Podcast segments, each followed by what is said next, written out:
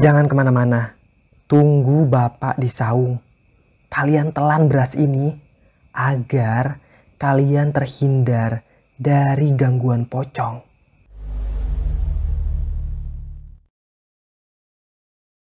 Selamat datang kembali di channel Sarang Demit dengan saya Mbah Rory.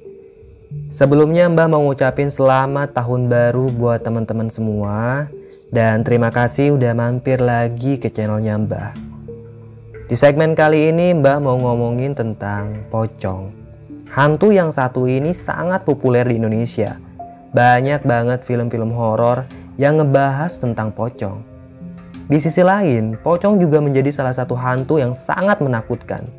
Gak sedikit orang yang bergidik ngeri saat mendengar kata pocong. Uniknya, akhir-akhir ini viral banget kalau pocong itu udah go internasional.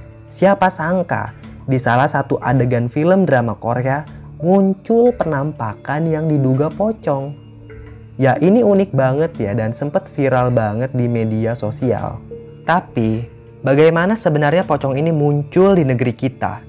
Dilansir dari berbagai sumber, ada yang mengatakan kalau pocong ini adalah perwujudan hantu dari mayat yang pas dikubur, tali kain kafannya lupa dilepas. Ada juga sumber yang mengatakan kalau pocong berasal dari roh pengantin yang saat mereka menikah tidak mendapat restu dari kedua orang tua mereka. Tapi Mbah kurang puas dengan semua referensi itu maka Mbah coba telusuri lebih dalam tentang asal-usul pocong di negeri kita ini. Jadi Mbah tanyakan ke beberapa orang yang udah sepuh dan ternyata Mbah dapet sebuah kisah yang menarik untuk diceritakan ulang ke teman-teman semua. Kisah ini berawal dari seorang laki-laki bernama Duloh. Sejak kecil, Duloh adalah anak yatim piatu. Bapaknya bekerja sebagai tukang panjat pohon. Bapaknya Duloh mati jatuh dari pohon kelapa saat Duloh masih berusia 2 tahun. Sedangkan ibunya meninggal karena serangan jantung saat Duloh berusia 12 tahun. Jadilah si Duloh ini anak yang yatim piatu. Duloh pun diasuh oleh neneknya. Neneknya bekerja sebagai tukang penganyam bakul yang kadang tidak bisa mencukupi kebutuhan sehari-hari. Pernah Duloh dan neneknya tidak makan selama dua hari berturut-turut karena saat itu bakul-bakul buatan si nenek tidak kunjung terjual. Setiap kali lapar, nenek dan cucu itu hanya minum air putih. Maksudnya agar perut mereka kembung dan menghilangkan rasa lapar. Tapi tetap saja, walau Dulo sudah minum banyak air, perutnya malah kembung. Tapi rasa lapar itu nggak kunjung hilang. Saat itu si Dulo dan neneknya benar-benar kelaparan. Karena bingung, akhirnya Dulo izin ke neneknya untuk pergi mencari pekerjaan. Nenek itu mengizinkan Dulo untuk pergi. Namun, sebelum Dulo pergi, Si nenek membekali cucunya sebuah keris yang ukurannya kecil. Kalau dimasukin ke dalam kantong, keris itu akan muat. Kata si nenek, simpen keris ini buat keberuntungan. Duloh pun menerimanya. Duloh kecil dengan perutnya yang lapar pergi dari rumah meninggalkan neneknya. Dia nggak tahu mau ke mana. Duloh hanya mengikuti hatinya saja. Dia berjalan ke arah barat dan keluar dari perkampungan. Tidak ada bekal apa pun yang dibawanya. Kedua kakinya juga nyeker. Baju Duloh juga sangat kumal dan tipis. Dia melewati kampung demi kampung. Hingga akhirnya Duloh ambruk. Perutnya sangat lapar. Tubuhnya gak bisa bangkit lagi. Dia benar-benar udah kehabisan tenaga. Duloh ngerasa dia bakal mati saat itu juga. Duloh terkapar di jalan setapak selama tiga hari tiga malam. Gak ada satu orang pun yang menemukan si Duloh. Tapi dia masih bertahan hidup. Perlu diketahui kalau jalan setapak itu adalah jalan menuju kampung Bojong Pinang. Tinggal beberapa kilometer lagi, Duloh sampai di kampung itu, tapi tubuhnya udah gak berdaya Dia masih terkapar di tengah-tengah jalan setapak. Menjelang malam, melintaslah sebuah delman di jalan setapak itu. Melihat ada orang yang terkapar di sana, delman itu pun berhenti. Seorang wanita turun dari delman tersebut. Wanita itu cantik sekali dan berpakaian seperti bangsawan. Dia kaget ngeliat ada anak kecil yang terkapar di tengah jalan yang sepi. Kamu kenal anak ini? Tanya wanita itu pada Pak Kusir, si pengemudi delman. Aku gak kenal bu, mungkin dia berasal dari kampung sebelah. Jawab Pak Kusir. Wanita itu bernama Inggit. Dia istri dari orang terkaya di kampung Bojong Pinang. Dia hendak menjenguk saudaranya yang baru saja melahirkan di kampung sebelah. Tapi pas ngelihat ada yang terkapar di tengah jalan, Inggit benar-benar kasihan. Inggit memperhatikan anak itu dan ternyata si Dulo masih hidup. Kedua matanya berkedap-kedip. Tapi Dulo nggak bisa mengucapkan apa pun. Kamu dari mana nak? Tanya Inggit. Dia jongkok sambil menatap wajah Dulo. Dulo hanya bisa menjawab dengan bahasa isyarat. Perlahan dia menggerakkan jarinya dan menunjuk ke arah timur. Pak Kusir mengikat tali kuda itu di batang pohon kecil dia mendekat ke arah Duloh. Bawa dia ke atas delman ya, pinta Inggit. Pak Kusir menurut saja. Dia membopong tubuh Duloh ke atas delman. Duloh pun dibawa oleh Inggit. Sepanjang perjalanan, dia diberi makan nasi ketan. Duloh memakannya dengan sangat lahap. Perlahan, dia pun udah bisa bicara. Duloh bilang ke Inggit kalau dia berhari-hari nggak makan. Duloh juga minta tolong ke wanita itu untuk memberi neneknya makanan. Singkat cerita, setelah Inggit menjenguk saudaranya, ia pun langsung pergi ke rumahnya Duloh untuk menolong nenek itu. Inggit membawa nasi dan lauk pauk yang ia ambil dari rumah saudaranya. Namun nasib buruk menimpa nenek malang itu. Saat Inggit dan Duloh tiba di sana, nenek itu sudah meninggal dia pasti mati kelaparan. Di kampungnya Duloh memang sedang paceklik. Warga di sana banyak yang kelaparan dan hidup susah. Setelah neneknya Duloh dimakamkan, satu hari kemudian Inggit kembali menemui Duloh. Wanita itu menawarkan pekerjaan pada Duloh sebagai pengembala kerbau. Kebetulan kerbau milik keluarga Inggit cukup banyak dan dia butuh tambahan pengembala. Duloh dengan senang hati menerima pekerjaan itu. Nantinya Duloh akan membantu Kisarkam yang juga bekerja pada Inggit sebagai pengurus kerbau. Pagi itu, Duloh pun meninggalkan rumahnya dan pergi bersama Inggit naik delman. Sepanjang perjalanan, Duloh bercerita kalau kedua orang tuanya meninggal saat dia masih kecil dia juga cerita kalau hidupnya serba susah lantaran neneknya itu hanya seorang penganyam bakul. Inggit semakin kasihan saja mendengar cerita anak kecil itu. Setibanya di rumah Inggit, Duloh benar-benar terkesima lantaran rumah wanita itu sangat besar dan luas. Di belakang rumah itu ada kandang kambing dan kerbau peliharaannya keluarga Inggit. Duloh berdiri di depan rumah Inggit dan tak lama kemudian, keluarlah seorang lelaki yang berumur kisaran 36 tahun. Lelaki itu punya kumis yang sangat tebal. Dia pakai jas hitam dan sarung batik berwarna keemasan. Lelaki itu adalah Raden Jayakusuma. Orang-orang biasa memanggilnya Raden Jaya. Dia orang terkaya di kampung itu. Raden Jaya mempersilahkan Dulo untuk masuk ke dalam rumahnya. Duloh disuguhkan buah-buahan dan makanan-makanan enak. Raden Jaya dan Inggit benar-benar baik pada Duloh. Mereka juga memperkenalkan Duloh pada Kisarkam, salah satu pengembala kerbau yang juga bekerja untuk keluarga Inggit. Melihat penampilan Kisarkam, Duloh sangat bergidik ngeri. Dia memakai baju hitam dan celana hitam, ada golok yang terselempang di pinggangnya. Dia duduk di samping Duloh. Nah, dulu kenalkan, ini Kisarkam. Dia yang akan bimbing kamu dalam mengurus kerbau, kata Raden Jaya. Dulo mengangguk-angguk. Kisarka memandangi Duloh dengan tatapan tajam dan terkesan mengerikan. Sesaat kemudian, dari kamar muncullah seorang anak perempuan yang amat cantik. Namanya Rara. Umurnya kisaran 9 tahun. Dia adalah satu-satunya anak Raden Jaya. Dulo pun dibawa ke kandang kerbau oleh Kisarkam. Dia menyuruh anak itu untuk mengeluarkan seekor induk kerbau dari dalam kandang. Ragu-ragu Dulo memegang tali kerbau itu lalu menyeretnya keluar kandang. Sebenarnya, Dulo masih takut mengurus kerbau. Dia takut diseruduk. Kau bawa kerbau itu ke sana. Suruh Kisarkam sambil menunjuk ke jalan setapak. Dulo pun manut saja. Perlahan dia bawa kerbau itu ke jalan setapak. Sedangkan Kisarkam mengikutinya dari belakang. Sepanjang hari Duloh mengembala kerbau itu, sedangkan Kisarkam menjaga beberapa kerbau lainnya yang sedang makan rerumputan. Setiap sore, Inggit menyuruh pembantunya untuk mengantarkan makanan pada Kisarkam.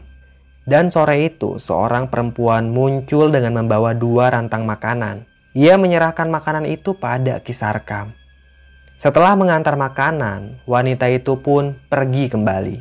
Sayangnya, Pas Duloh mau ngambil makanan itu, Sarkam malah menepis tangan Duloh. Kenapa, Mang? Tanya Duloh. Sarkam tidak menjawab. Dia membuka rantang milik Duloh dan membuang lauk pauknya. Duloh hanya boleh makan nasinya saja. Emang Sarkam ini orangnya kejam. Dia sering menindas para pekerja seperti Duloh. Penderitaan Duloh tidak sampai di situ. Sarkam juga sering memukuli anak itu lantaran melakukan kesalahan kecil. Punggung Duloh membiru karena Sarkam memukulnya menggunakan tongkat kayu. Setiap malam, Duloh meringis kesakitan di dalam saungnya. Dia sebenarnya sudah tidak kuat terus-terusan ada di sini. Tapi Duloh tidak punya pilihan lain. Kalau dia berhenti dari pekerjaannya, dia pasti akan kelaparan lagi. Makin hari tubuh Dulo semakin kurus. Dulo hanya punya sedikit waktu untuk istirahat di saung. Berbeda dengan Sarkam yang setiap hari kerjaannya hanya tiduran dan makan singkong bakar di saung itu. Tahun demi tahun berlalu. Dulo pun tumbuh dewasa. Di umurnya yang ke-23 tahun, dia masih kerja untuk keluarga Raden Jaya. Namun, sekarang tugasnya berbeda, bukan lagi menjadi pengembala kerbau, melainkan menjadi penggarap sawah. Itu tugas yang cukup berat. Dulu diberi amanat untuk menggarap lima petak sawah sekaligus per tahun. Dia sendiri yang mencangkul, menandur, dan menjaganya dari serangan hama. Suatu hari saat Duloh lagi mencangkul sawah, tiba-tiba ada dua orang ibu-ibu yang lewat di pematang sawah. Mereka membicarakan Rara yang terkena gigitan ular tanah saat main di kebun. Dulo kaget, dia langsung pergi ke saung dan menyimpan cangkulnya. Segera ia kenakan bajunya yang lusuh dan kotor oleh noda lumpur kering. Dia pergi untuk menjenguk Rara, anaknya Raden Jaya. Setibanya di sana, Dulo melihat Rara terkapar di atas tempat tidurnya sambil meringis kesakitan. Ada gigitan ular di pergelangan kaki kanannya dan bekas gigitan itu sudah membiru. Saat itu memang belum ada dokter. Raden Jaya mengobati putrinya dengan obat-obatan tradisional. Dia juga memanggil seorang tabib untuk menyembuhkan Rara. Inggit menangisi anak satu-satunya itu. Dia takut anaknya meninggal karena nggak sedikit di kampung Bojong Pinang yang mati karena digigit ular tanah. Duloh bingung apa yang harus ia perbuat. Dia tidak punya ilmu apa pun untuk mengobati Rara. Akhirnya dulu hanya bisa membantu ala kadarnya saja. Seperti mencarikan dedaunan yang dipinta oleh sang tabib. Satu hari berlalu, kondisi Rara semakin parah, lukanya membusuk, muncul benjolan yang bernanah di kakinya. Tubuh Rara juga semakin lemas, wajahnya pucat. Dulu kasihan melihat kondisi Rara. Seketika terlintas dalam benak Duloh tentang keris kecil yang dulu pernah diberikan oleh neneknya. Raden, maaf boleh saya coba untuk mengobati Rara? Tanya Duloh dengan sangat sopan. Memangnya kamu bisa mengobati orang sakit? Tanya Raden Jaya. Saya akan coba Raden, mohon izin dari Raden, kata Duloh sambil tertunduk. Raden Jaya pun mengizinkan Duloh.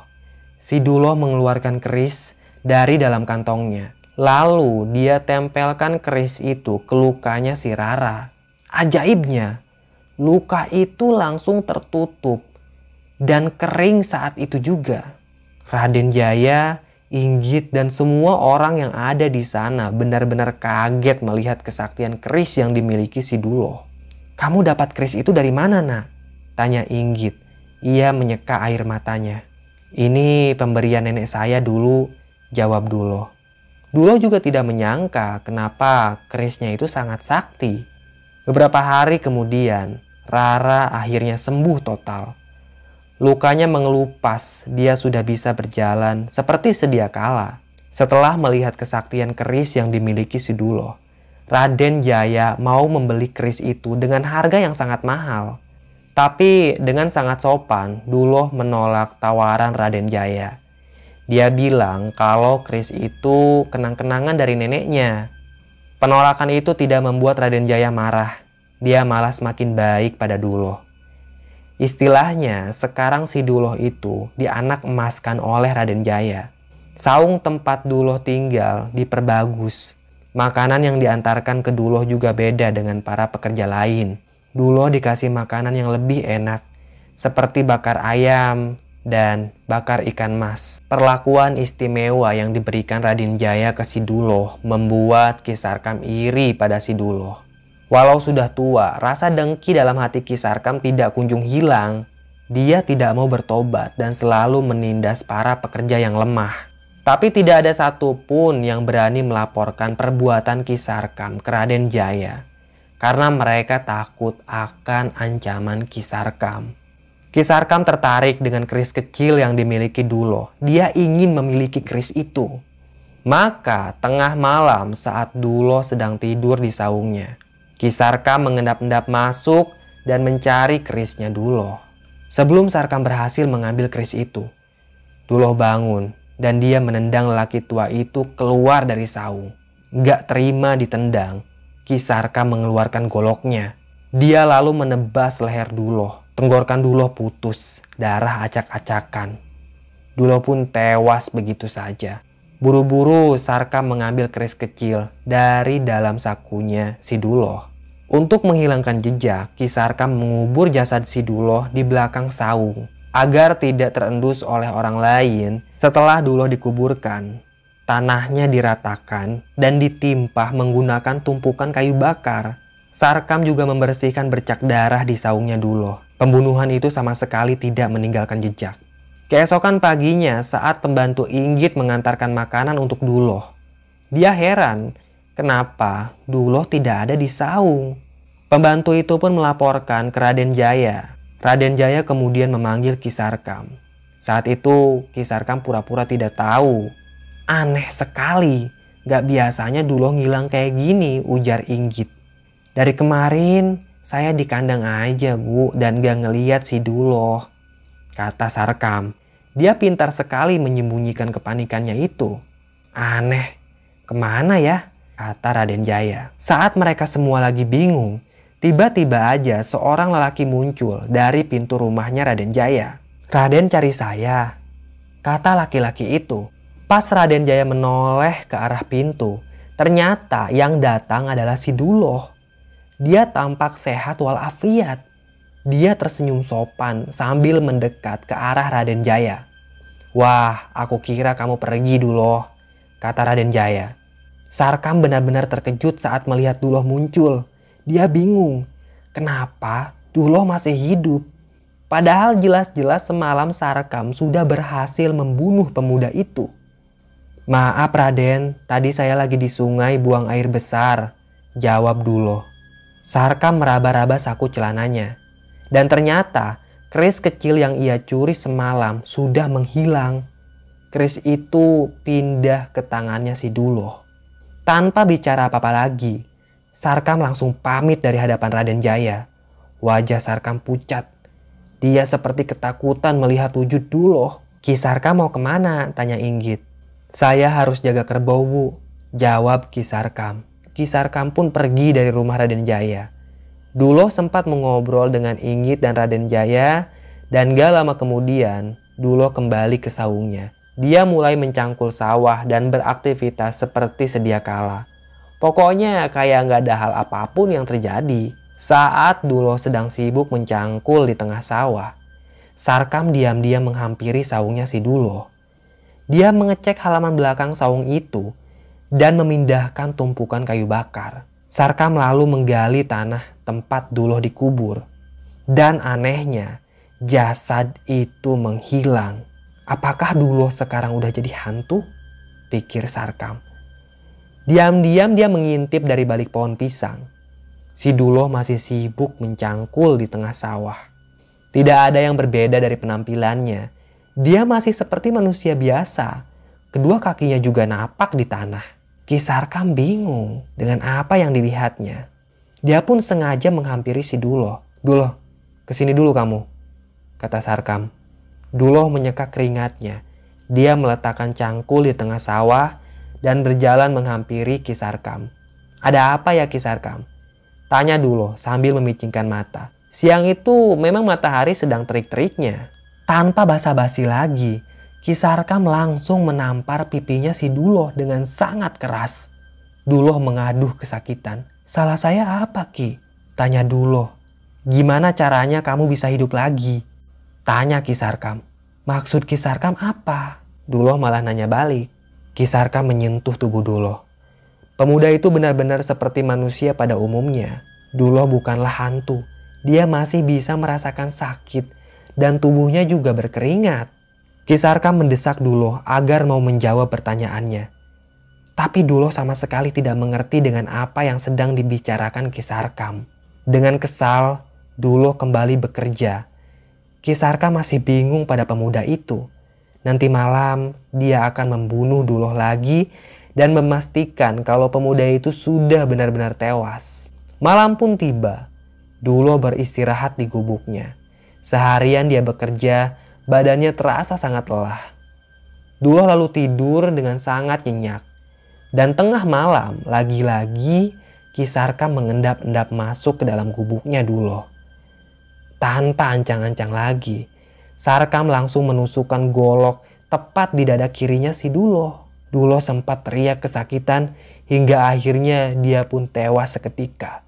Kisarkam takut kalau nanti Dulo bangkit lagi. Makanya malam itu juga dia memikul jasad Dulo ke sungai dan langsung menghanyutkannya. Kisarkam juga membersihkan bercak darah di saungnya Dulo. Dia juga mencuri keris yang diyakini menjadi sumber kekuatannya si Duloh. Dan keesokan paginya, tetap saja si Duloh hidup lagi. Sarkam melihat pemuda itu sedang sibuk mencangkul di sawah. Kisarkam akan mengadukannya ke Raden Jaya kalau Duloh punya ilmu hitam. Pagi itu juga, Kisarkam mendatangi rumah Raden Jaya. Dia bercerita kalau Duloh melakukan persekutuan dengan setan dan pemuda itu memiliki ilmu hitam yang bisa membawa malapetaka bagi warga kampung. Memang begitulah sifat Kisarkam yang senang mengadu domba dan memfitnah orang. Sayangnya Inggit dan Raden Jaya langsung percaya aja apa yang dikatakan Kisarkam. Lain halnya dengan Rara, dia nggak percaya sama sekali dengan kesaksian Kisarkam ini. Dulo pun dipanggil. Dia ditanyai oleh Raden Jaya soal ilmu hitam. Dulo malah bingung kenapa tiba-tiba dia dituduh punya ilmu hitam. Ayo ngaku saja kau, bentak Sarkam. Dia sangat kesal pada pemuda itu. Saya tidak punya ilmu apa-apa Kisarkam. Saya hanya seorang kuli cangkul. Jawab Dulo ketakutan. Raden Jaya angkat bicara. Sarkam, apakah kamu punya bukti kalau Dulo penganut ilmu hitam? Tanya Raden Jaya. Raden, dia bisa sembuh dari lukanya dengan sangat cepat. Apalagi namanya kalau bukan ilmu hitam. Kita lukai saja dulu, buktikan kalau dia itu bisa menyembuhkan lukanya dengan cepat. Jawab Kisarkam. Jangan, apa-apaan ini. Ayah jangan mau diadu domba seperti ini, kata Rara sambil memegang lengan Raden Jaya. Ya sudah, dulu silakan kamu kerja lagi ya. kata Raden Jaya. Benar kata si Rara, Kisarkam tidak punya bukti yang kuat kalau dulu penganut ilmu hitam. Dan gak mungkin Raden Jaya tiba-tiba melukai laki-laki itu. Raden, nanti saya akan buktikan kalau dulu punya ilmu hitam yang sangat membahayakan warga kampung, ujar Kisarkam. Ah, tidak perlu. Saya yakin dulu bersih dari hal-hal seperti itu. Lebih baik sekarang kamu urusi saja kerbau-kerbauku sana, kata Raden Jaya. Sarkam tidak bisa berargumen lagi. Dia pergi dari hadapan Raden Jaya dengan perasaan kesal. Dan soal kris kecil yang dicuri Kisarkam semalam. Kris itu juga udah raib dan berpindah tangan ke Siduloh. Berkali-kali Kisarkam berusaha membuktikan kalau Duloh punya ilmu hitam, tapi selalu gagal. Dia bingung bagaimana lagi caranya untuk melenyapkan Duloh. Tahun berganti tahun. Siapa sangka kalau Rara ternyata menyimpan rasa cinta ke si Duloh. Tapi jelas Raden Jaya dan Inggit tidak merestui cinta mereka. Apa kata warga nanti kalau mereka tahu anaknya menikah dengan seorang kuli cangkul. Raden Jaya takut kalau Rara nekat berbuat yang tidak-tidak. Maka dia langsung menikahkan Rara dengan seorang anak juragan kaya asal Lampung. Lelaki itu bernama Sangiang. Dia pemuda yang tampan dan sangat cocok kalau bersanding dengan Rara. Ya mau tidak mau, Rara harus mematuhi kemauan kedua orang tuanya itu. Sedangkan nasib Dulo tetap menjadi tukang cangkul sawah. Raden Jaya menggelar pesta besar. Dia menyembelih lima kerbau. Hajat digelar tujuh hari tujuh malam tanpa henti. Tapi sebenarnya Rara masih ada rasa ke si Dulo. Dia menunggu kehadiran lelaki itu di pesta pernikahannya. Tapi Dulo tidak kunjung datang. Rara tidak tahu kalau Dulo memang dilarang datang ke pesta itu oleh Raden Jaya. Satu bulan kemudian, Rara malah makin cinta pada Dulo. Dia sudah berusaha melupakan laki-laki itu, tapi tidak bisa.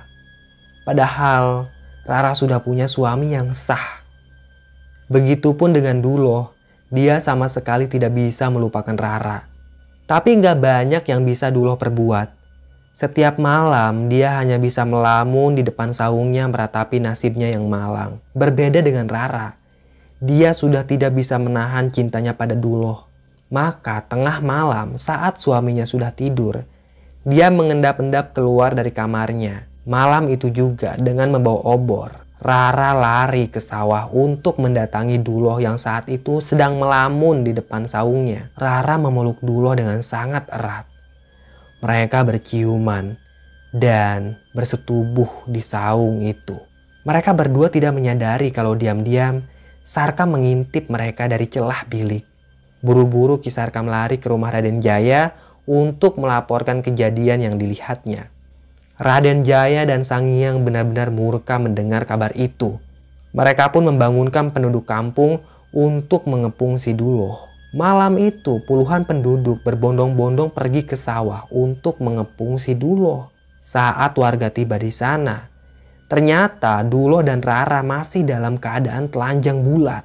Buru-buru Rara menyelimuti tubuhnya dengan sebuah kain, sedangkan Dulo tidak sempat mengenakan pakaiannya. Dia diseret oleh warga dalam keadaan telanjang bulat. Lalu si Dulo ini langsung dipukuli oleh warga. Dulo sekarat. Namun Sarkam langsung menghabisi nyawa pemuda itu dengan sebuah batu yang dihantamkan ke kepala si Duloh. Dia sudah mati, kata Raden Jaya. Inggit sebenarnya kasihan pada Duloh, tapi dia tidak bisa berbuat apa-apa dan hanya bisa menyaksikan penderitaan si Duloh. Raden, Duloh ini bisa hidup lagi. Dia punya ilmu hitam, ujar Kisarkam. Hah? Maksud kamu? Tanya Raden Jaya dengan wajah terheran-heran. Kita lihat saja besok. Dia pasti hidup lagi kata Kisarkam. Untuk mencari tahu kebenarannya, jenazah Dulo pun tidak dikuburkan, tapi hanya dibaringkan saja di depan rumah Raden Jaya. Saat itu Rara menangis nelangsa. Menjelang subuh, warga digegerkan dengan apa yang dilihat mereka. Jenazah Dulo hidup kembali. semua lukanya juga sembuh secara misterius. Dia punya ilmu pancasona, kata Raden Jaya. Iya, Duloh memang punya ilmu pancasona. Ia tidak pernah mempelajari ilmu itu. Tapi ilmu pancasona itu secara alamiah Duloh dapatkan dari nenek moyangnya yang hidup ratusan tahun lalu. Dan hanya Dulohlah yang menjadi pewaris tunggal ilmu itu. Sebenarnya, Duloh sudah meninggal berkali-kali. Bahkan saat ia kelaparan di jalan setapak itu, Duloh kecil sebenarnya sudah mati. Tapi dengan adanya ilmu Pancasona, dia berhasil hidup lagi. Duloh juga sudah meninggal saat dia disiksa sarkam pas masih kecil.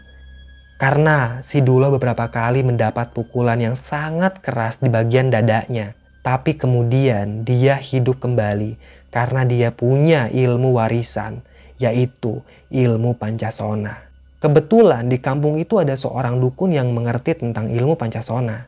Raden, kita buang saja si Duloh ini ke lembah. Di kampung itu memang ada sebuah lembah yang sangat curam dan dalam.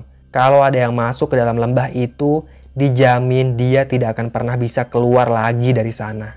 Duloh pun diseret oleh warga menuju lembah mengerikan. Sementara Rara menangis sejadi-jadinya. Dia memohon pada ayahnya agar Duloh tidak dibuang ke lembah. Tapi Raden Jaya sudah gelap hati dia akan tetap membuang Duloh ke lembah itu. Sebelum dibuang ke lembah, Raden Jaya menyuruh warga untuk membungkus Duloh dengan kain putih, lalu mengikat seluruh tubuhnya agar nanti pas Duloh sudah ada di dasar lembah, dia tidak bisa berkutik selain dibungkus menggunakan kain warna putih. Dukun di kampung itu juga menancapkan keris panjang di perutnya si Duloh. Itu bukan keris sembarangan, Orang yang punya ajian pancasona tidak akan bisa berkutik selama keris itu tertancap di perutnya. Sesampainya di bibir lembah, mereka langsung melemparkan Duloh ke dalam lembah itu. Gak lama setelah Duloh dilemparkan, entah apa yang ada di pikirannya si Rara. Dia malah menjatuhkan dirinya sendiri ke dalam lembah itu. Dia ingin mati bersama kekasih hatinya. Semua orang berteriak memanggil Rara tapi dia sudah tidak bisa diselamatkan. Rara masuk ke dalam lembah itu dan tidak ada seorang pun yang berani menuruni lembah tersebut. Karena lembahnya terkenal angker dan sangat dalam. Rara mati di dalam lembah itu hingga akhirnya lembah itu dinamakan Lembah Rara. Dulu juga tidak pernah terlihat lagi di perkampungan dia terjebak di dalam lembah tersebut bersama jasadnya si Rara. Bertahun-tahun kemudian, keluarga Raden Jaya sudah meninggal semua. Kampung itu juga sudah berganti generasi. Lembah Rara yang dulu menjadi tempat pembuangan Duloh semakin ke sini semakin dangkal karena kian tertimbun oleh tanah. Suatu hari ada lelaki paruh baya yang turun ke lembah itu untuk ngarit rumput. Dia harus memberi makan kambing-kambingnya. Kebetulan stok rerumputan di kebun sudah habis dan dia melihat di dasar jurang banyak sekali tumbuhan dan rumput liar di sana. Awalnya dia tidak menemukan keanehan apa pun. Namun tak lama kemudian dia mendengar erangan seseorang. Lelaki itu kaget, napasnya terengah-engah. Dia heran, suara apa tadi? Karena penasaran, dia mendekati sumber suara itu. Suaranya seperti ada di dalam tanah. Buru-buru dia menggali tanah itu. Dan untung saja tidak terlalu dalam. Setelah berhasil menggali tanah tersebut, dia melihat ada sosok manusia yang dibungkus mengenakan kain putih. Bukan hanya itu saja, lelaki itu juga melihat ada keris yang tertancap di tubuh sosok manusia itu. Lelaki paruh baya itu menyangka kalau manusia yang ia temukan adalah korban pembunuhan yang masih bertahan hidup, dia malah mencabut keris yang menancap di tubuhnya si Duloh. Seketika saja, Duloh terbang ke langit sambil tertawa terbahak-bahak. Duloh sudah bukan lagi manusia, tubuhnya dipenuhi oleh energi makhluk gaib yang jahat. Dia pun gentayangan dengan masih menggunakan kain putih itu. Duloh menghantui warga kampung dan semenjak saat itulah dikenal hantu bernama pocong. Biasanya warga kampung menelan beras yang sudah dibacakan mantra agar terhindar dari gangguan pocong. Selesai. Begitulah kisah dari asal-usul kemunculan pocong di Nusantara. Tidak ada yang tahu persis kisah ini terjadi tahun berapa. Menurut Mbah sendiri, memang makhluk gaib adalah jelmaan jin yang suka mengadu domba manusia, termasuk pocong. Pocong juga sama, dia adalah jelmaan jin jahat. Kalau menurut kalian bagaimana? Tulis pendapat kalian di kolom komentar ya. Tetap sehat dan salam merinding.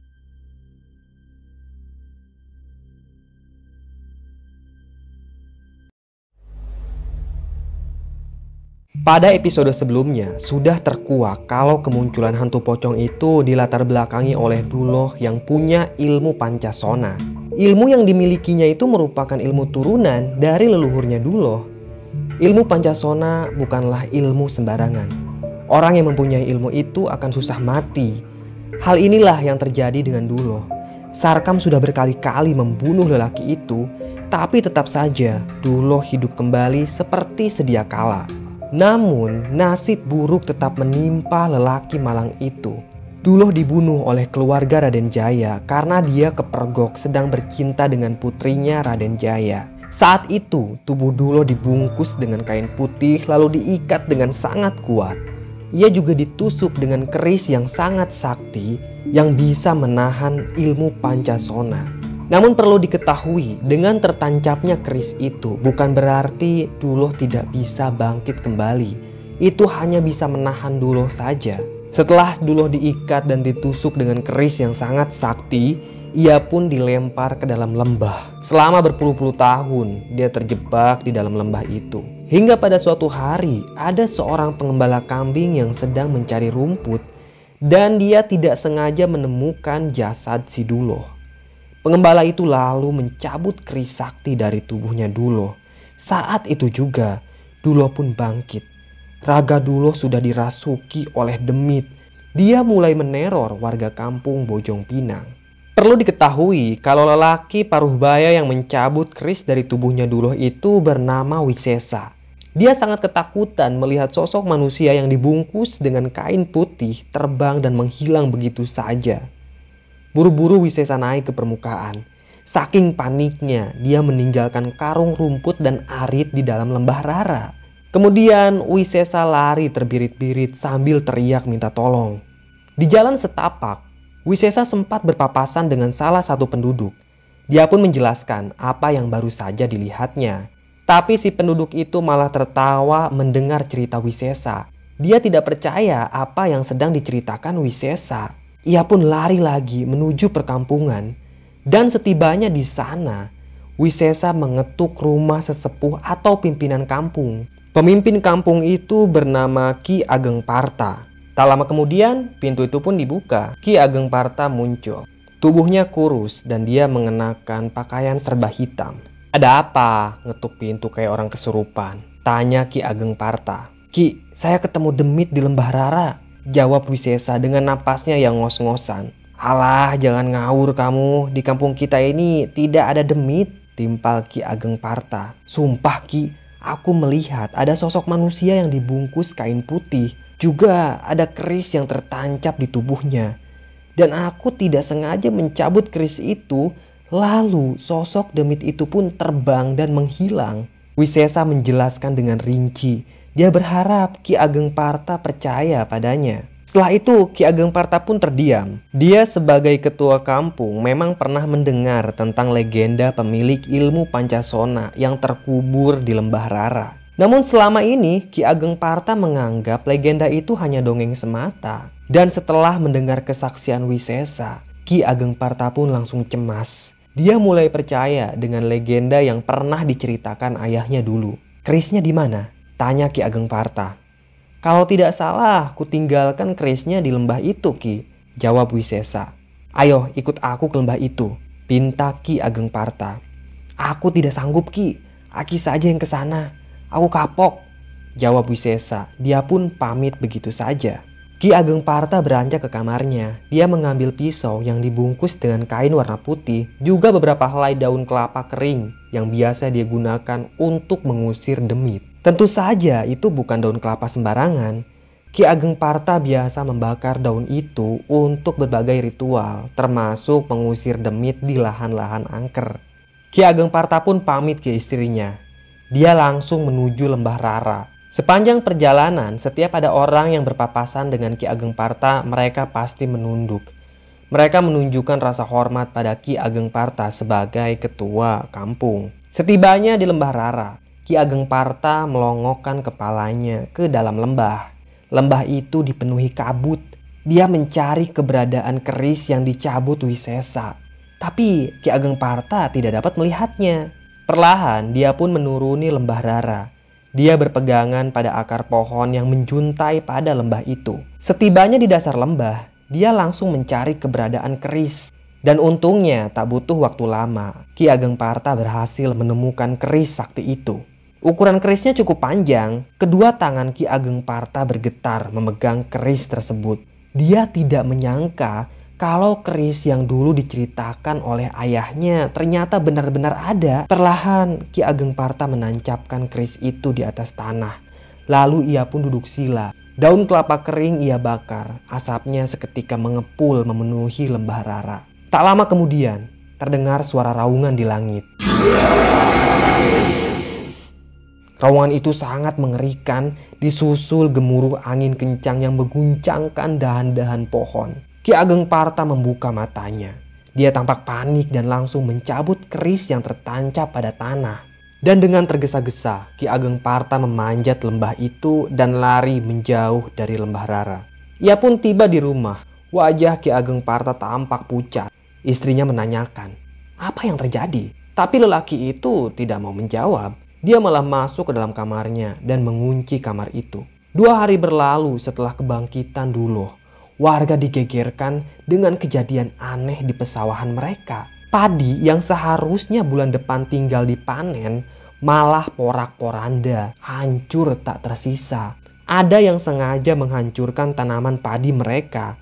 Batang padi itu seperti digigit tikus, tapi mustahil kalau tikus yang melakukannya. Sebab luas sawah yang hancur hampir satu hektar dan butiran padinya juga benar-benar remuk tak tersisa. Para petani menangis di pematang sawah. Mereka sangat sedih lantaran sawah mereka gagal panen. Warga pun melaporkan kejadian ini pada Ki Ageng Parta. Lelaki itu menduga kalau pelakunya adalah demit penghuni lembah Rara. Ki Ageng Parta mengumumkan keluarganya kalau kampung mereka sedang dalam keadaan darurat. Ada demit yang berkeliaran di kampung Bojong Pinang. Ki Ageng Parta meminta agar warga tidak berkeliaran saat malam hari karena bisa jadi demit itu menyakiti manusia. Semua warga ketakutan mendengar pengumuman Ki Ageng Parta. Tidak ada yang berani berkeliaran malam hari. Kampung itu menjadi sangat sepi. Semua warga mengurung diri di rumahnya. Mereka menutup rapat pintu dan jendela. Sementara itu, Ki Ageng Parta sedang mencari cara untuk menangkap demit tersebut dan menancapkan kembali keris pada tubuhnya. Di suatu malam, Ki Ageng Parta kembali melakukan ritual. Ia membakar daun kelapa kering dan membaca mantra.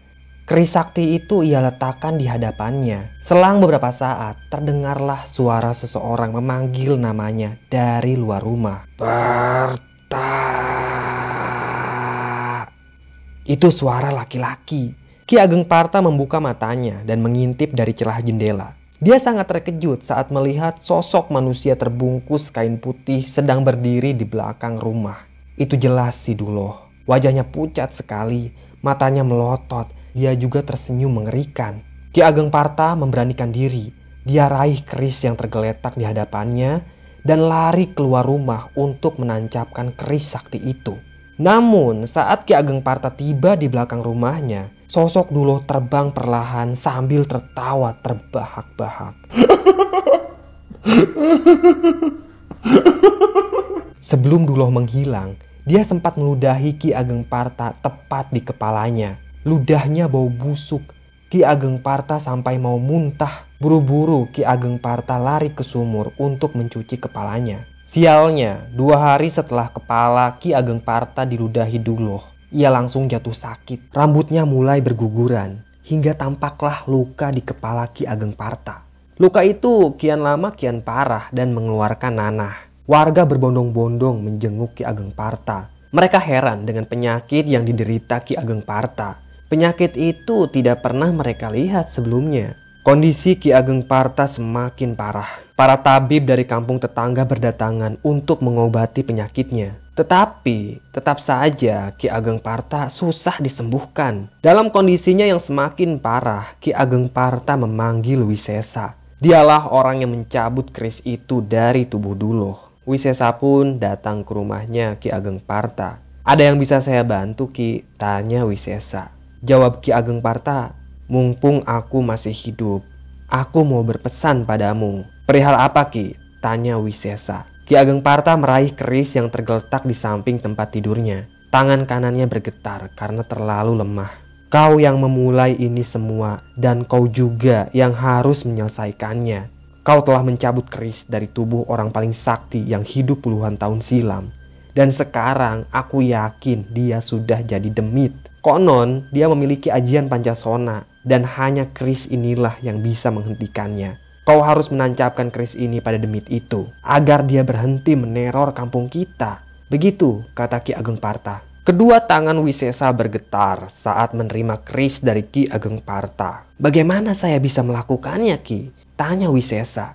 Kau harus cari demit itu. Jawab Ki Ageng Parta. Di mana Ki? Tanya Wisesa. Ya mana aku tahu. Sudah jangan banyak tanya. Pokoknya kau harus tanggung jawab. I iya Ki, saya akan pikirkan. Jawab Wisesa terbata-bata. Dia pun pergi dari rumahnya Ki Ageng Parta. Keesokan harinya, warga kembali geger karena ada yang merusak perkebunan timun mereka. Timun itu seperti ada yang menginjak-injak. Buahnya hancur tak tersisa. Padahal perkebunan timun itu merupakan mata pencaharian warga. Karena selain menanam padi, mayoritas penduduk kampung Bojong Pinang juga berkebun timun untuk menopang ekonomi mereka. Dan kini perkebunan itu hancur, tak tersisa. Para pemilik kebun menangis dan tidak tahu harus berbuat apa. Mereka terancam sengsara. Ki Ageng Parta sudah tidak bisa diandalkan karena dia sedang sakit parah. Keadaan kampung saat itu benar-benar sedang kacau. Saat warga sedang meratapi kebun timun mereka, muncullah Wisesa. Dia bilang ke warga bahwa satu-satunya cara untuk menghentikan teror ini adalah dengan menangkap demit itu, lalu menancapkan keris sakti. Wisesa juga menunjukkan keris itu kepada para warga. Apakah demit itu bisa ditangkap? Tanya salah satu warga. Pasti bisa. Ki Ageng Parta yang bilang kalau demit itu bisa kita tangkap. Jawab Wisesa. Lalu caranya bagaimana? Tanya warga. Kita jebak saja. Demit itu sudah menyerang sawah kita, lalu perkebunan kita. Selanjutnya, aku yakin dia pasti akan membunuh binatang ternak kita. Nah, sekarang kita harus kumpulkan kambing peliharaan di satu lahan untuk menjebak demit itu. Wah, masuk akal juga idemu Wisesa. Timpal salah satu warga. Mereka pun mengumpulkan kambing peliharaan di sebuah lahan. Sekeliling lahannya mereka buatkan pagar dari bambu. Warga benar-benar kesal pada demit yang sudah menghancurkan mata pencaharian mereka. Malam pun tiba, warga berkumpul di sebuah lahan. Mereka bersembunyi di balik pohon.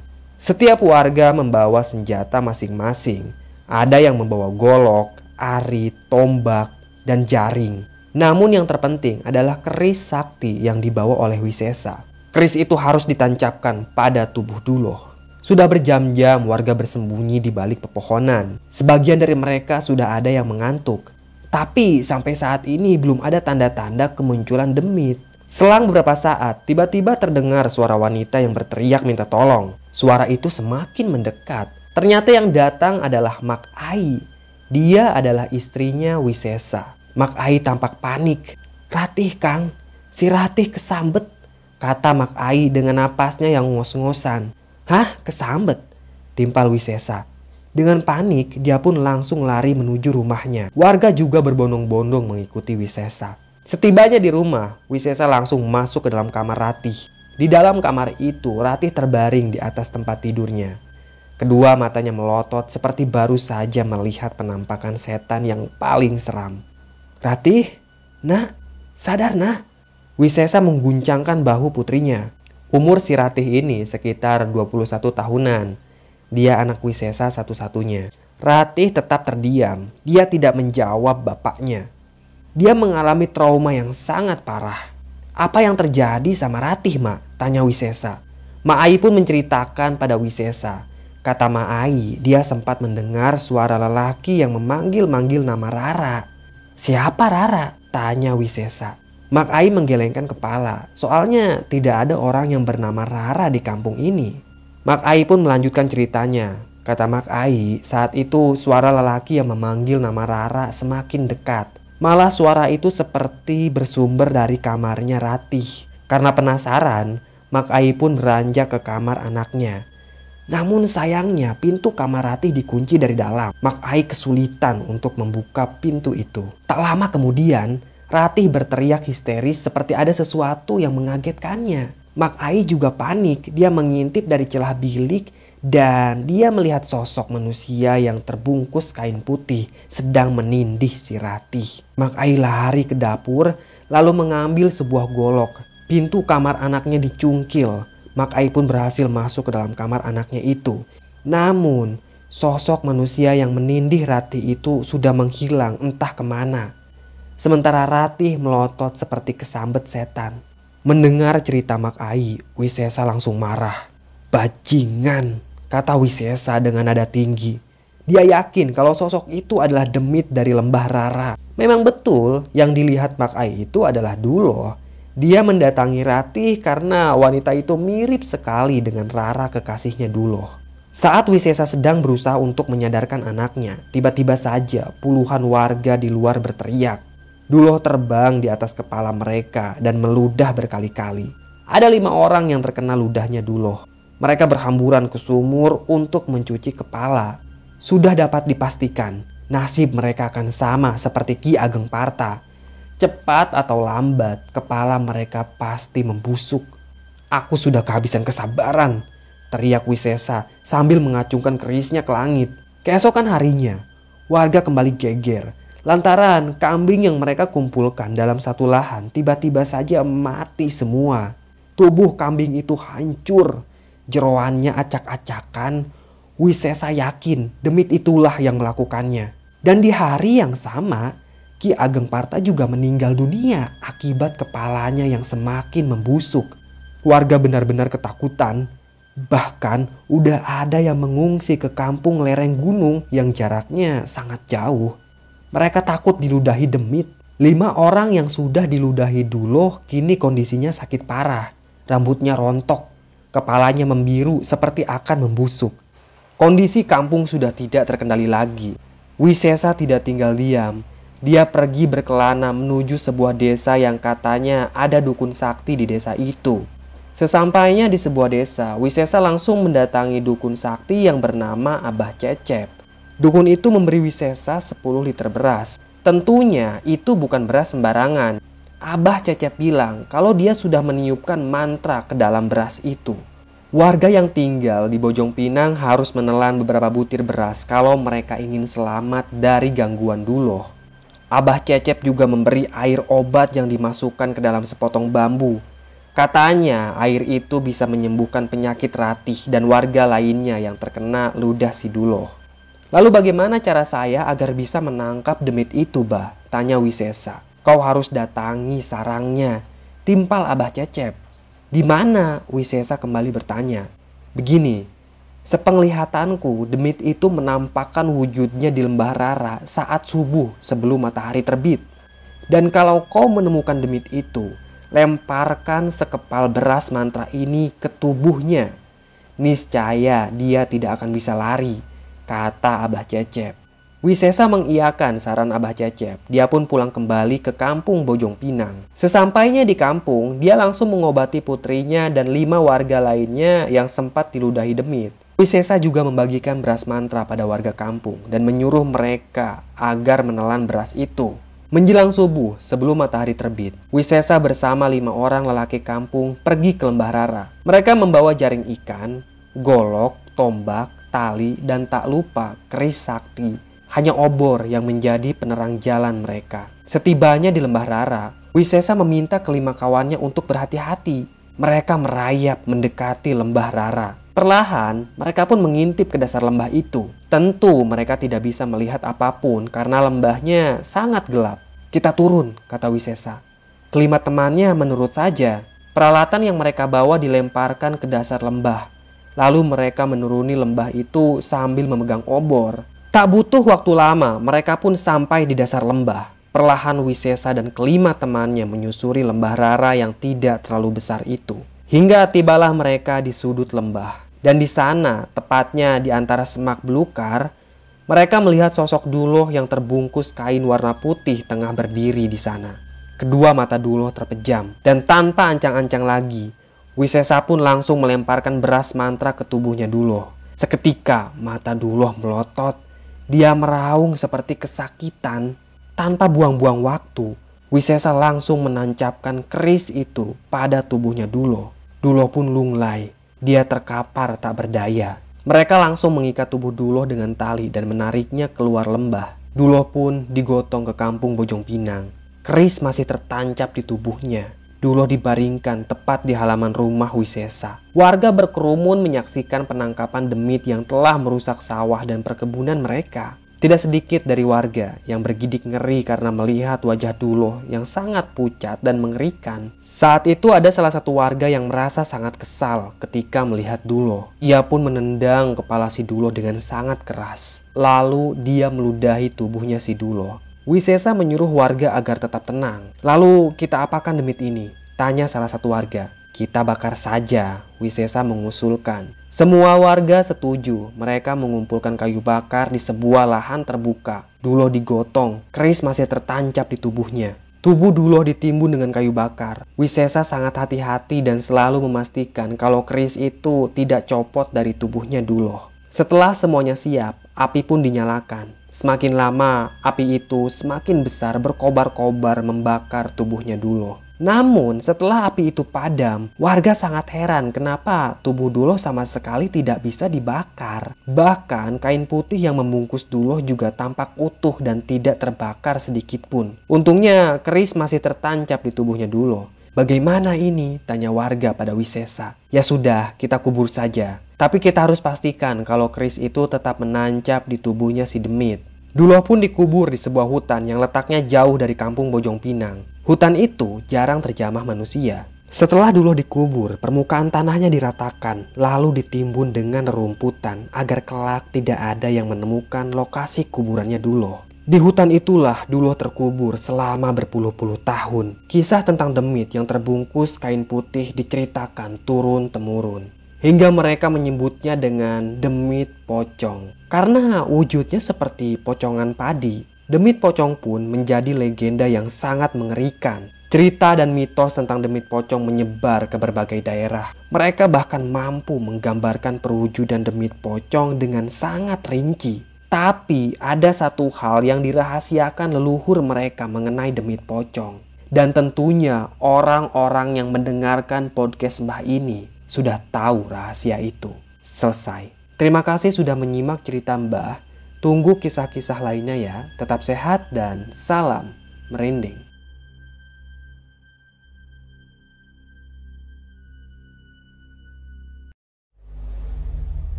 Pada episode sebelumnya, Pocong Duloh meneror warga Bojong Pinang dengan cara menghancurkan sawah dan ladang mereka. Bukan hanya itu, Pocong Dulo juga meludahi warga sehingga banyak warga yang kepalanya membusuk. Bahkan ada yang sampai meninggal. Namun akhirnya pocong itu berhasil ditaklukkan oleh salah seorang warga bernama Wisesa. Dia berhasil menancapkan keris sakti pada tubuh pocong Dulo, lalu mengubur pocong itu di tengah hutan keramat yang dinamakan Hutan Gantarawang.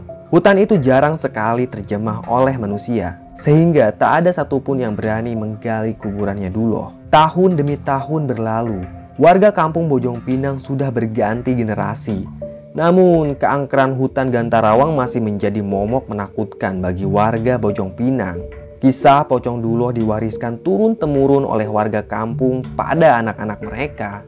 Sehingga hutan Gantarawang menjadi sangat keramat. Pohon-pohon di hutan itu sangat besar, tanahnya lembab, koloni monyet berkembang biak dengan subur di hutan itu sehingga menambah nuansa seram hutan Gantarawang. Kata seorang pengembala bebek yang pernah melintas di pinggiran hutan Gantarawang, dia pernah mendengar suara menggema dari dalam hutan itu. Pengembala bebek itu langsung lari terbirit-birit menjauh dari hutan Gantarawang. Si pengembala bebek menceritakan kejadian itu pada warga kampung. Dan mereka meyakini kalau suara erangan itu adalah pocong duloh yang terkubur puluhan tahun di hutan Gantarawang. Sayangnya, kisah ini bukan tentang si pengembala bebek yang hampir mati ketakutan. Melainkan tentang kakak beradik yang tinggal jauh dari kampung Bojong Pinang. Mereka adalah Sadeli dan Raka. Sadeli berumur 19 tahun, sementara Raka masih lima tahun. Rentang usia mereka memang sangat jauh.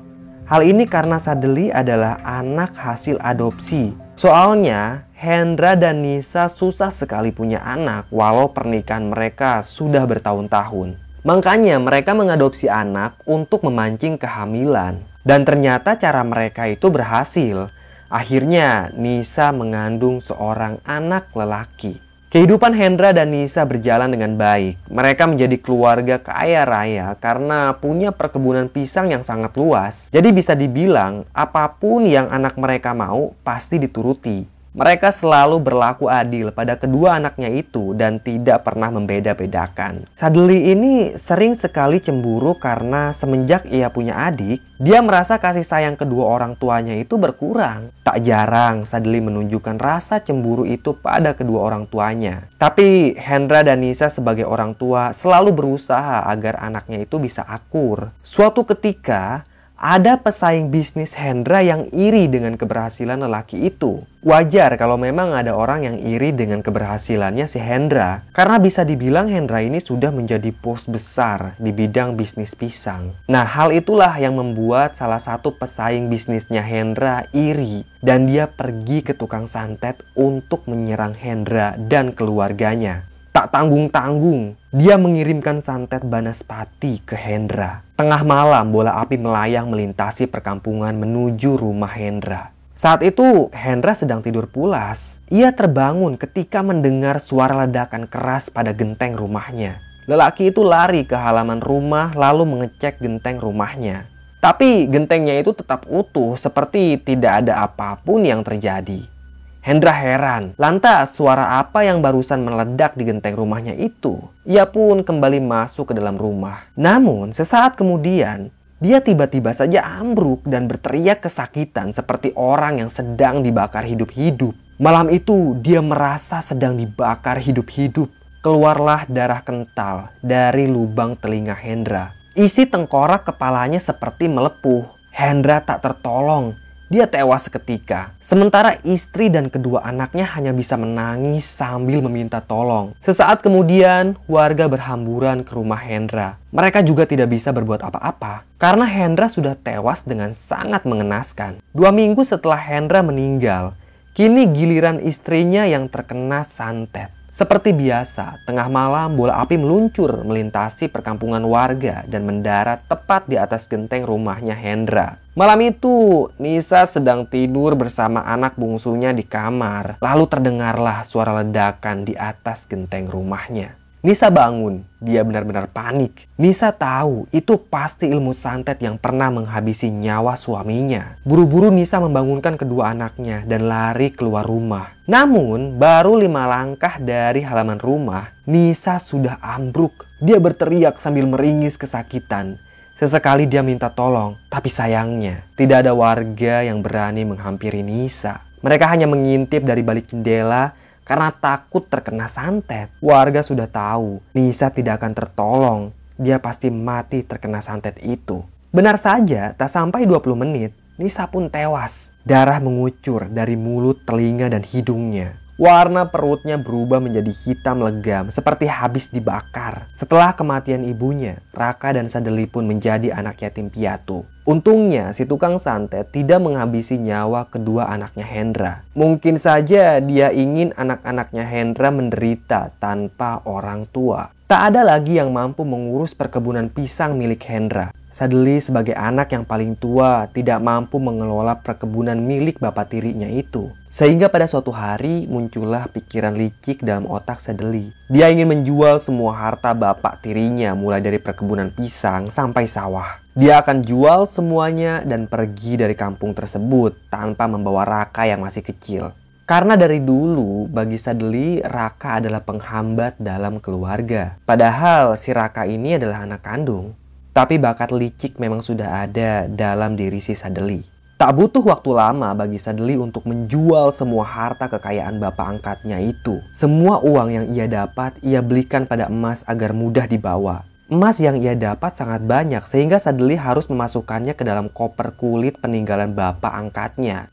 Raka kecil tidak tahu apa-apa. Setiap hari dia hanya melamun di rumahnya sambil memegangi pakaian ibu dan bapaknya. Suatu sore, Sadeli menghampiri adiknya. Dia membawa karung yang berisi bekal makanan seperti roti dan beberapa kilo beras. Dia juga menjinjing koper yang berisi emas. Dek, kita harus pergi, kata Sadeli. Ke mana kak? Tanya Raka. Ke tempat yang lebih baik. Kampung ini berbahaya bagi kita, dek. Kata Sadeli.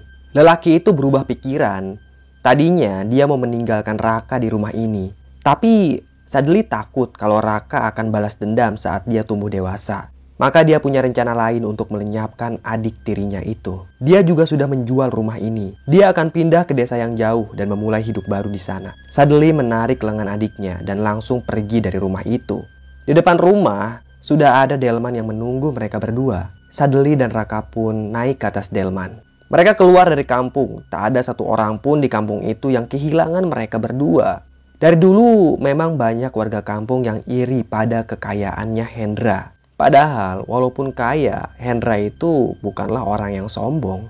Beberapa jam kemudian, Sadeli meminta Pak Kusir untuk menghentikan laju Delman. Mereka berdua turun di pinggir hutan Gantarawang. Dari tadi, Sadeli memang memperhatikan hutan yang lebat itu. Setelah Sadeli membayar ongkos Delman, Pak Kusir langsung menyabet kembali kudanya dan Delman itu pun pergi dari hadapan mereka berdua. Begini deh, Kakak udah beli rumah baru di sebuah desa. Desa itu aman buat kita. Tapi untuk menuju desa tersebut, kita harus melintasi hutan ini dulu. Raka memperhatikan hutan Gantarawang di hadapannya. Hutan itu tampak lebat dan remang. Sadeli mengajak adiknya masuk ke dalam hutan itu. Awalnya Raka menolak, tapi Sadeli berhasil meyakinkan adiknya, lalu mereka pun masuk ke dalam hutan. Sebenarnya tujuan Sadeli adalah desa Bojong Pinang Dulu dia pernah beberapa kali berkunjung ke desa itu bersama bapak tirinya. Dan dia tahu persis kalau desa Bojong Pinang itu ada di sebelah selatan hutan Gantarawang. Hari sudah mulai gelap. Sadeli menyalakan obor. Dia sudah menyiapkan obor itu dari rumah. Raka memegang tangan kakak tirinya, dia sangat ketakutan. Terdengar suara koloni monyet yang bergelantungan di dahan-dahan pohon besar. Kakak, adek takut kata Raka sambil terus memegangi lengan kakak tirinya. Jujur saja ya, sebenarnya Sadili ini nggak tega untuk membunuh adiknya. Dia masih mencari cara agar bisa menghabisi adiknya itu. Atau setidaknya membiarkan Raka tersesat di dalam hutan ini selamanya sampai mati. Sadeli tahu betul kalau hutan ini keramat dan sangat angker. Bapak tiri Sadeli pernah cerita tentang hutan Gantarawang. Raka dan Sadeli berjalan masuk ke dalam hutan. Dan selang beberapa saat, Raka berteriak seperti kesakitan sambil memegangi kedua matanya. Ada serangga kecil yang masuk ke dalam matanya si Raka. Dia menangis sambil berteriak minta tolong. Kedua matanya Raka sangat perih. Tapi kakaknya tidak berbuat apa-apa. Dia malah senang kalau adiknya kesakitan. Padahal Sadeli membawa bekal air minum di dalam karungnya. Seandainya air itu dibasuhkan ke mata Raka, pasti si Raka sembuh. Sadeli malah meminta Raka untuk melanjutkan perjalanan. Sudah, jangan cengeng, itu hanya serangga. Ayo jalan, kata Sedeli. Tapi kedua mataku sakit, Kak. Aku tidak bisa melihat. Timpal Raka. Kakak tuntun ya, kata Sedeli. Tak sampai satu jam, kedua mata Raka bengkak. Entah serangga apa yang masuk ke dalam matanya itu, dia sama sekali tidak bisa melihat. Sepanjang perjalanan, Raka terus menangis kesakitan. Dia tidak bisa melihat sama sekali. Hingga tibalah mereka di sebuah batang pohon yang amat besar. Sadli akhirnya berhenti di bawah pohon itu. Dia lapar dan memakan beberapa potong roti. Kak, kakak lagi makan? Tanya Raka. Dia tidak bisa melihat kakaknya yang sedang makan roti. Enggak kok, jawab Sadeli. Ade lapar kak, Ade mau makan, kata Raka. Tapi kakak nggak bawa makanan dek. Timpal Sadeli sambil menahan tawa. Dia senang melihat adik tirinya menderita seperti itu. Raka membaringkan badannya di atas rumputan yang lembab. Sementara kakak tirinya masih asik makan. Saking lelahnya, Raka pun tertidur dengan sangat pulas. Dan keesokan paginya, keadaan Raka semakin memburuk. Kedua matanya sangat bengkak dan mengeluarkan nanah. Sekarang dia menjadi buta permanen. Kakak, kak, panggil Raka sambil meraba rerumputan. Namun kakaknya itu sudah meninggalkan Raka sendirian di tengah hutan. Kakak, teriak Raka. Dia berdiri sambil terus meraba-raba. Tak ada jawaban dari kakaknya itu. Sadeli sudah pergi. Kini Raka sendirian di dalam hutan dalam keadaan buta. Raka melangkah dengan sangat hati-hati. Kedua lengannya menyentuh pohon demi pohon. Dia terus memanggil nama kakaknya itu sambil sesekali jatuh karena kakinya tersandung akar pohon. Raka sangat lapar dari kemarin dia belum makan apa pun. Sekuat tenaga, dia bangkit lagi dan berjalan perlahan sambil meraba-raba sekelilingnya. Tak sengaja, tangan kanan Raka menyentuh sebuah batang pohon kecil. Dan sialnya, pada batang pohon itu terdapat sarang semut api. Raka sempat mengguncangkan batang pohon itu, membuat koloni semut marah lalu tumpah ruah ke tubuhnya si Raka. Seketika saja, Raka menjerit kesakitan. Tubuhnya seperti terbakar. Ia membuka bajunya dan mengguling-gulingkan tubuhnya di atas rerumputan. Raka terus menjerit, tapi tak ada seorang pun yang mendengar jeritannya kecuali koloni monyet yang seakan menertawakan si Raka. Raka memaksakan diri untuk bangkit. Dia lari sekuat tenaga dan menabrak pohon besar. Seketika Raka pun pingsan, kepalanya berdarah, tubuhnya membengkak karena sengatan semut api. Dan tentu kedua matanya sudah buta permanen. Secara logika manusia, tak ada harapan bagi Raka untuk bisa hidup di tengah hutan Gantarawang. Dia terbaring di sana sampai malam. Nah, dan tengah malam ternyata si Raka ini siuman. Tangan kanannya meraba semak-semak. Dan saat itulah ada seseorang yang memegangi tangannya Raka. Hal itu membuat Raka sangat bahagia. Kakak, Kak Sadeli, panggil Raka. Dia menyangka kalau yang sedang memegang tangannya itu adalah Sadeli. Lengan Raka ditarik. Dia dibawa entah ke mana. Kak, kaukah itu? Tanya Raka sambil tersenyum. Aku bukan kakakmu. Sosok itu menjawab. Raka mendengar suara nenek-nenek. Aku Nini Liman. Kau jangan khawatir. Aku akan mengobatimu, kata Nini Liman. Raka menurut saja. Dia senang ada yang menolongnya di tengah hutan seperti ini. Raka dibawa ke sebuah gubuk. Atap gubuk itu terbuat dari rumbia dan dindingnya dari anyaman bambu. Tak ada dipan atau lantai di dalam gubuk itu.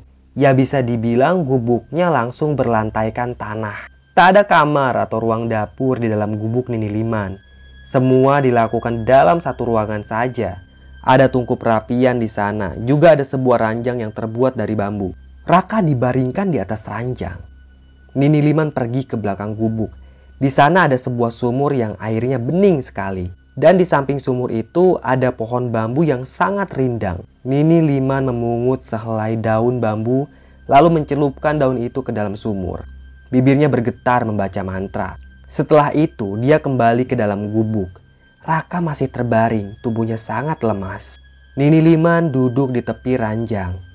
Dia mengoleskan daun bambu pada kedua mata Raka. Ajaibnya, Mata anak itu langsung sembuh. Dia sudah bisa melihat sekarang. Tampak di hadapannya seorang nenek-nenek yang mengenakan jubah warna hitam. Rambut nenek itu sudah penuh dengan uban. Punggungnya juga bungkuk. Dia tersenyum pada Raka. Aku sembuh nih. Bentol di tubuhnya juga sudah hilang. Iya cu, kamu sembuh. Jawab Nini Liman. Raka diasuh oleh Nini Liman di hutan Gantarawang. Hingga akhirnya dia tumbuh dewasa. Namun ada hal aneh pada Nini Liman. Selama Raka diasuh olehnya, Raka tidak pernah melihat Nini Liman makan dan tidur. Nini itu juga selalu membawa makanan yang enak-enak untuk Raka. Saat Raka tanya dari mana Nini Liman mendapatkan makanan itu, katanya dia bekerja serabutan di Bojong Pinang dan hasilnya dia belikan makanan untuk Raka. Selama Nini Liman mengasuh Raka, Nenek itu tidak membolehkan Raka untuk keluar dari hutan keramat.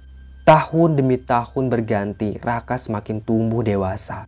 Dan di suatu malam saat Raka sedang tidur, ia mendengar ada suara lelaki yang meringis kesakitan. Suara itu seakan menggema di langit. Raka terbangun. Tak ada Nini Liman di gubuknya. Entah ke mana nenek itu. Raka pun keluar dari gubuk. Dia mendongak ke langit. Dia heran. Siapa lelaki yang meringis kesakitan? Tak lama kemudian suara tersebut hilang. Keesokan paginya Raka bangun. Di dalam gubuk sudah ada Nini Liman yang sedang masak nasi. Nih, semalam Raka mendengar ada suara lelaki yang meringis kesakitan. Itu siapa nih? Tanya Raka. Itu suara dulu, kata Nini Liman. Kalau begitu ada penghuni lain di hutan ini nih. Tanya Raka. Ekspresi wajahnya tampak senang. Iya betul ada banyak penghuni di hutan ini. Kata Nini Liman sambil meniup tungku perapian. Di mana rumah Duloh nih? Tanya Raka. Di sana. Nini Liman bangkit sambil menunjuk ke arah timur. Raka mengangguk. Saat itu umur Raka sudah menginjak 21 tahun. Dia ingin keluar dari hutan ini dan menjalani hidup normal seperti manusia lainnya. Maka pagi itu juga Raka meminta izin pada Nini Liman untuk keluar dari hutan Gantarawang. Apa yang kau inginkan di luar sana? Tanya Nini Liman. Saya mau usaha nih biar jadi kaya raya seperti bapak saya. Jawab Raka. Kamu mau jadi orang kaya? Tanya Nini Liman. Iya nih, jawab Raka. Aku mengizinkanmu untuk keluar dari hutan ini. Tapi kalau tujuanmu untuk menjadi orang kaya, kau harus melakukan pesugihan pocong. Timpal Nini Liman. Bagaimana cara saya melakukan pesugihan pocong nih? Nini Liman tidak menjawab. Dia malah pergi ke belakang gubuk dan kembali dengan membawa sebuah cangkul. Itu cangkul yang sangat usang dan berkarat. Nini Liman meletakkan cangkul itu tepat di hadapan Raka. Nanti tengah malam saat kau dengar rintihan Dulo, kau pergilah ke arah timur dan kau ikuti sumber suara itu.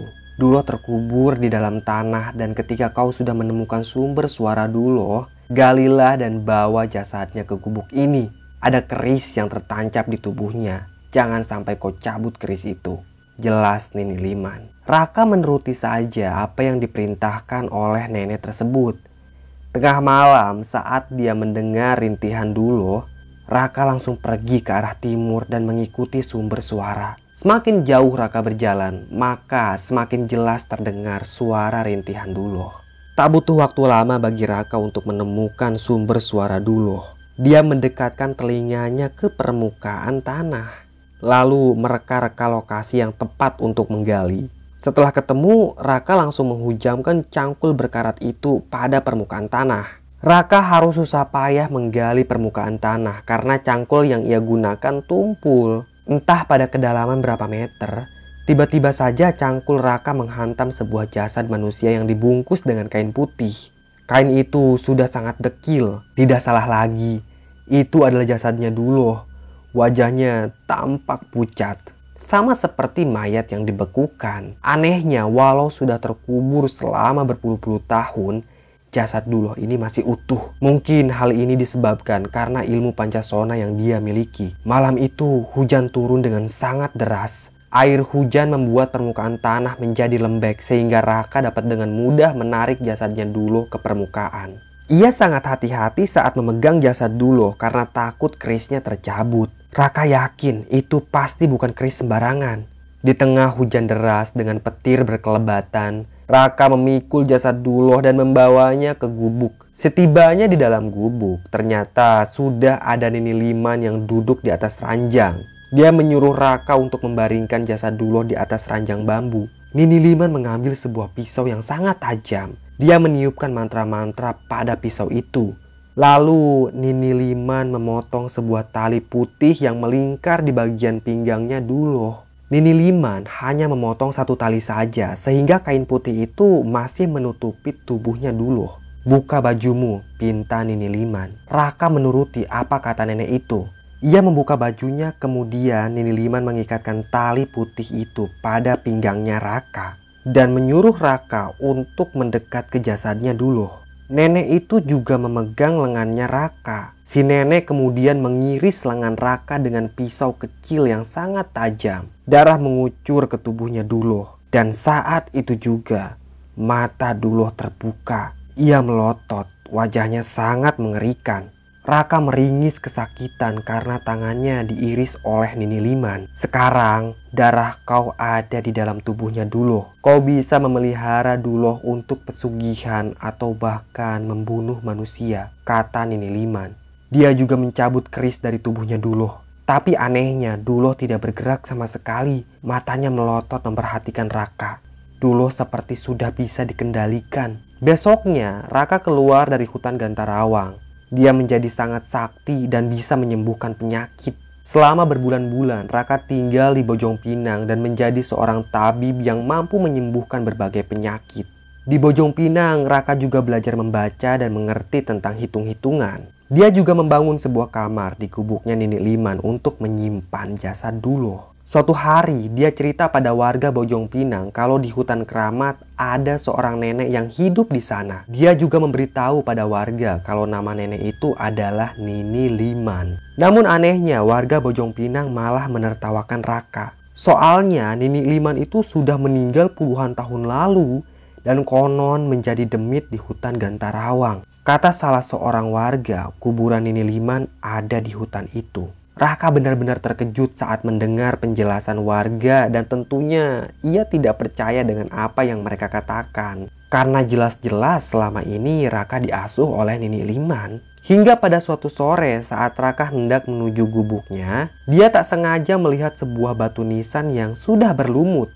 Raka membersihkan lumut itu dan tampaklah nama Nini Liman pada batu nisan tersebut. Semenjak saat itu, Raka yakin kalau Nini Liman adalah demit penghuni hutan Gantarawang. Namun hal itu ternyata tidak jadi masalah bagi Raka. Lagi pula selama ini Nini Liman sangat baik padanya. Singkat cerita, kekayaan Raka semakin bertambah. Ia semakin tersohor sebagai tabib yang sangat sakti. Hal ini tak lain karena bantuan dari Pocong Duloh Suatu malam saat Raka sedang istirahat di gubuknya, ada seseorang yang mengetuk pintu. Raka membukakan pintu itu. Dia sangat terkejut saat mengetahui siapa yang datang. Lelaki itu adalah Sadeli, kakak tirinya Raka. Pakaian Sadeli compang-camping, rambutnya acak-acakan. Ternyata dia jatuh miskin. Dia meminta maaf pada adiknya itu. Raka pun menyuruh kakak tirinya itu untuk masuk. Aku sangat bangga punya adik sepertimu. Rumahmu di Bojong Pinang sangat besar. Aku bertamu ke sana. Namun kata warga kamu ada di hutan keramat ini. Tolong aku Raka. Aku sangat miskin sekarang. Tolong beritahu aku bagaimana caranya aku bisa kaya sepertimu. Sangat mudah kak. Aku melakukan pesugihan pocong. Jawab Raka. Bagaimana caranya? Aku mau sepertimu, ajari aku, kata Sadeli. Raka pun membuka pintu kamar yang ada di dalam gubuknya. Tampaklah pocong dulu terbaring di sana. Silakan kakak masuk. Nanti aku akan bacakan mantra buat kakak. Setelah itu, kakak pasti kaya raya sepertiku, kata si Raka. Sadeli pun nurut. Dengan wajah ketakutan dia masuk ke dalam kamar itu. Raka menutup pintu kamar. Raka kemudian mengambil sebuah piring yang berisi menyan dan sebutir telur. Dia duduk tepat di depan pintu. Raka membakar menyan itu dan meremas telur sampai pecah. Lalu terdengarlah teriakan Sadeli dari dalam kamar. Tapi Raka tidak membukakan pintu dan terus komat kamit. Selang beberapa saat, teriakan Sadeli lenyap begitu saja. Darah keluar dari celah pintu kamar. Raka bangkit lalu membuka pintu kamar. Dan di dalam sana, ia melihat Dulo sedang mencabik-cabik jeroan perutnya Sadeli. Raka tersenyum tipis. Dia menutup kembali pintu kamar dan beranjak keranjangnya lalu memejamkan mata. Dia harus tidur karena besok masih banyak pasien yang ingin berobat padanya. Selesai. Begitulah kelanjutan dari Pocong Dulo Season 3. Tunggu kisah-kisah lainnya ya. Sekian dari Mbah, tetap sehat dan salam merinding.